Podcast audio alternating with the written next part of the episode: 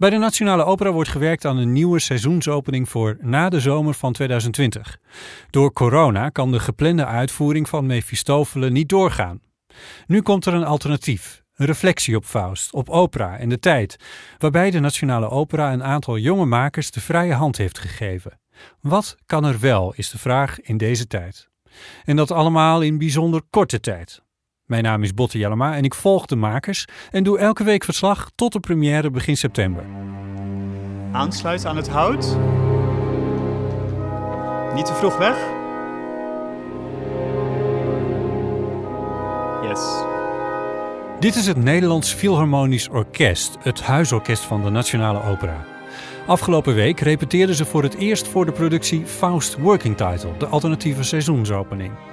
Waar tot deze week het team relatief klein was en de repetities intiem, komen er vanaf nu een hoop nieuwe mensen bij.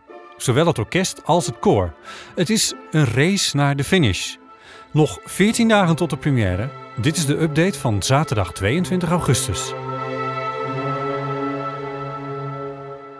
Straks meer over deze repetitie. Het team van makers zat begin deze week in spanning. Deze productie is ontstaan vanwege de maatregelen tegen de verspreiding van corona, maar wordt er ook door getekend. Het aantal nieuwe besmettingen liep weer op in Nederland, dus kwam er een nieuwe persconferentie waarin nieuwe maatregelen zouden worden aangekondigd. Maar welke? En vooral, zouden die ook over de theaters gaan? En hoe ongelooflijk hard de horeca, de theaters, musea, sportscholen en andere instellingen hun best doen om aan alle voorwaarden te voldoen. Er zijn ook plekken waar het misgaat. En wat dat nieuwe advies ons leert, is dat het vooral misgaat in de privésfeer. Het ging wel over groepen mensen, maar vooral in privésituaties. Theaters werden even genoemd, maar als voorbeeld van dat die hun best doen om aan de voorwaarden te voldoen. In de nieuwe maatregelen blijven de theaters buiten schot. Het lijkt erop dat de Nationale Opera publiek kan ontvangen voor Faust Working Title in hun gebouw in Amsterdam.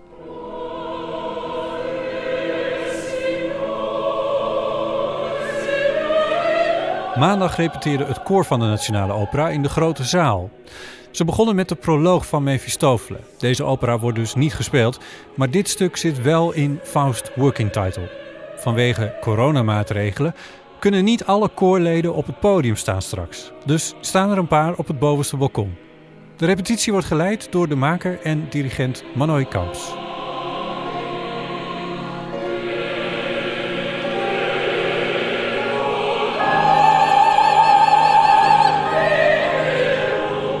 Hoe was het om weer een uh, koor te horen?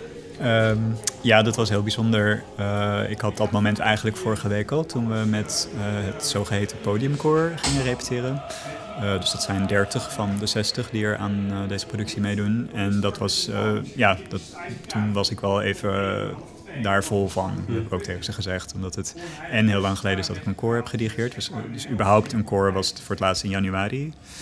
Uh, en dan ook nog zo'n goed koor als dit. En in deze context. Um, en ze zongen ook als eerste een stuk van Brahms, maar dan in het Tamil.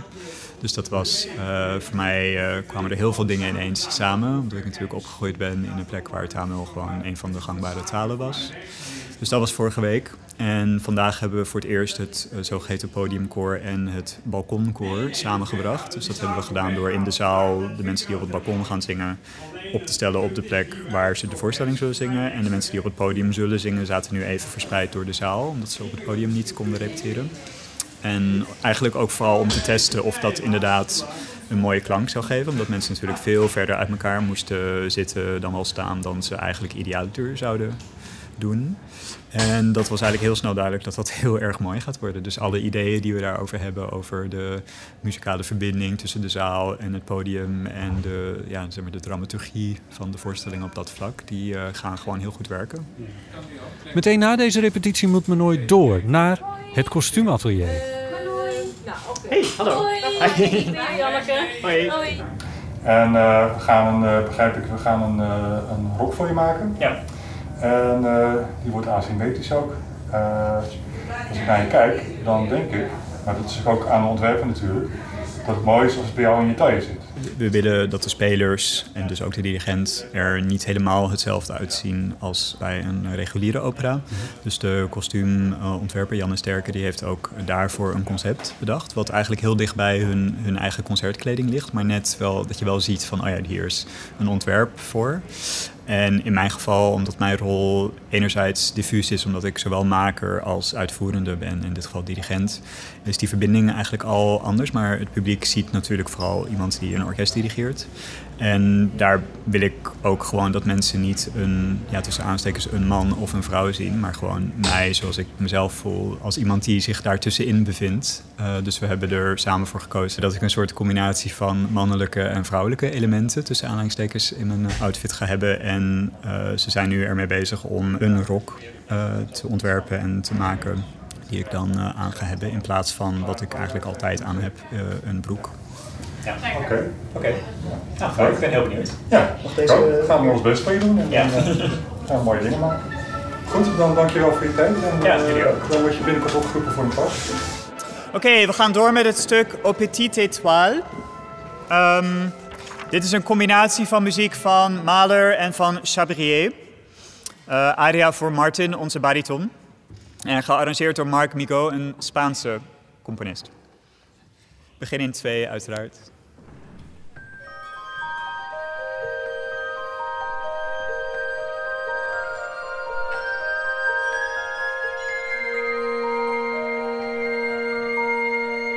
Woensdagochtend is het zover. Na weken van puzzelen welke stukken moeten worden gespeeld in deze productie, opdrachten geven aan componisten en arrangeurs en daarna alles ordenen, klinkt de muziek voor het eerst echt. Het Nederlands Philharmonisch Orkest gaat repeteren in hun koepelkerk in Amsterdam-Oost. Manoy en maker en regisseur Lysenka Heiboer-Castagnon praten de orkestleden van tevoren bij over de productie. Vanaf maandag zijn we aan het repeteren, want de eerste twee weken met de soli en vorige week met het, week met het koor wisten we ook bijvoorbeeld nog niet wat de volgorde zou zijn van de muziek. Nou ja, het is echt een rollercoaster geweest en vandaag voelt echt als een soort van um, ja, nog een nieuw hoogtepunt in die rollercoaster. En nou ja, ik verwacht niet dat de volgorde nog mega gaat veranderen, maar we houden een kleine slag om de arm. Ja, ik denk het, ik denk, denk het, het ook, niet. Nee. ik denk dat ik dat niet meer aan kan. Nee, precies. Dus we beginnen met de proloog van Boito. Die heet in jullie partij Scherzo Vocale, als het goed is. Die zit helemaal vooraan. Dat is ook het begin van de voorstelling.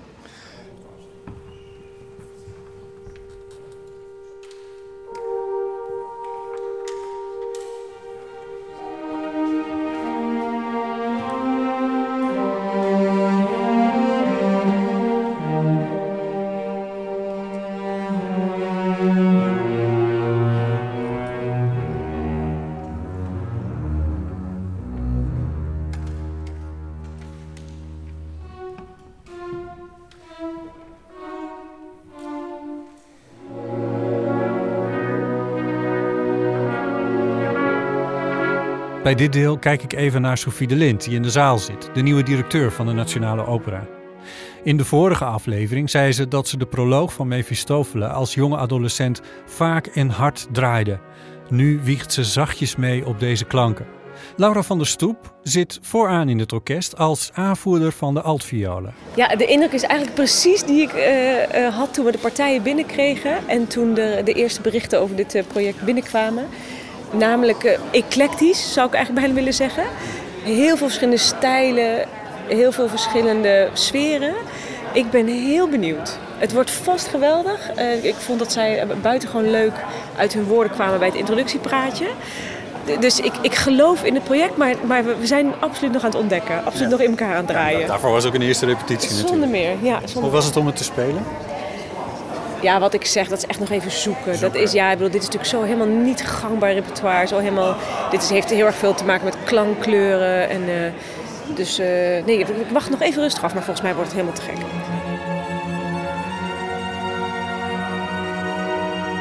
Over een week een nieuwe update over deze bijzondere productie van de Nationale Opera. Dan horen we meer over de regie, als Faust Working Title voor het eerst de repetitieruimtes uitgaat en het hoofdpodium opkomt.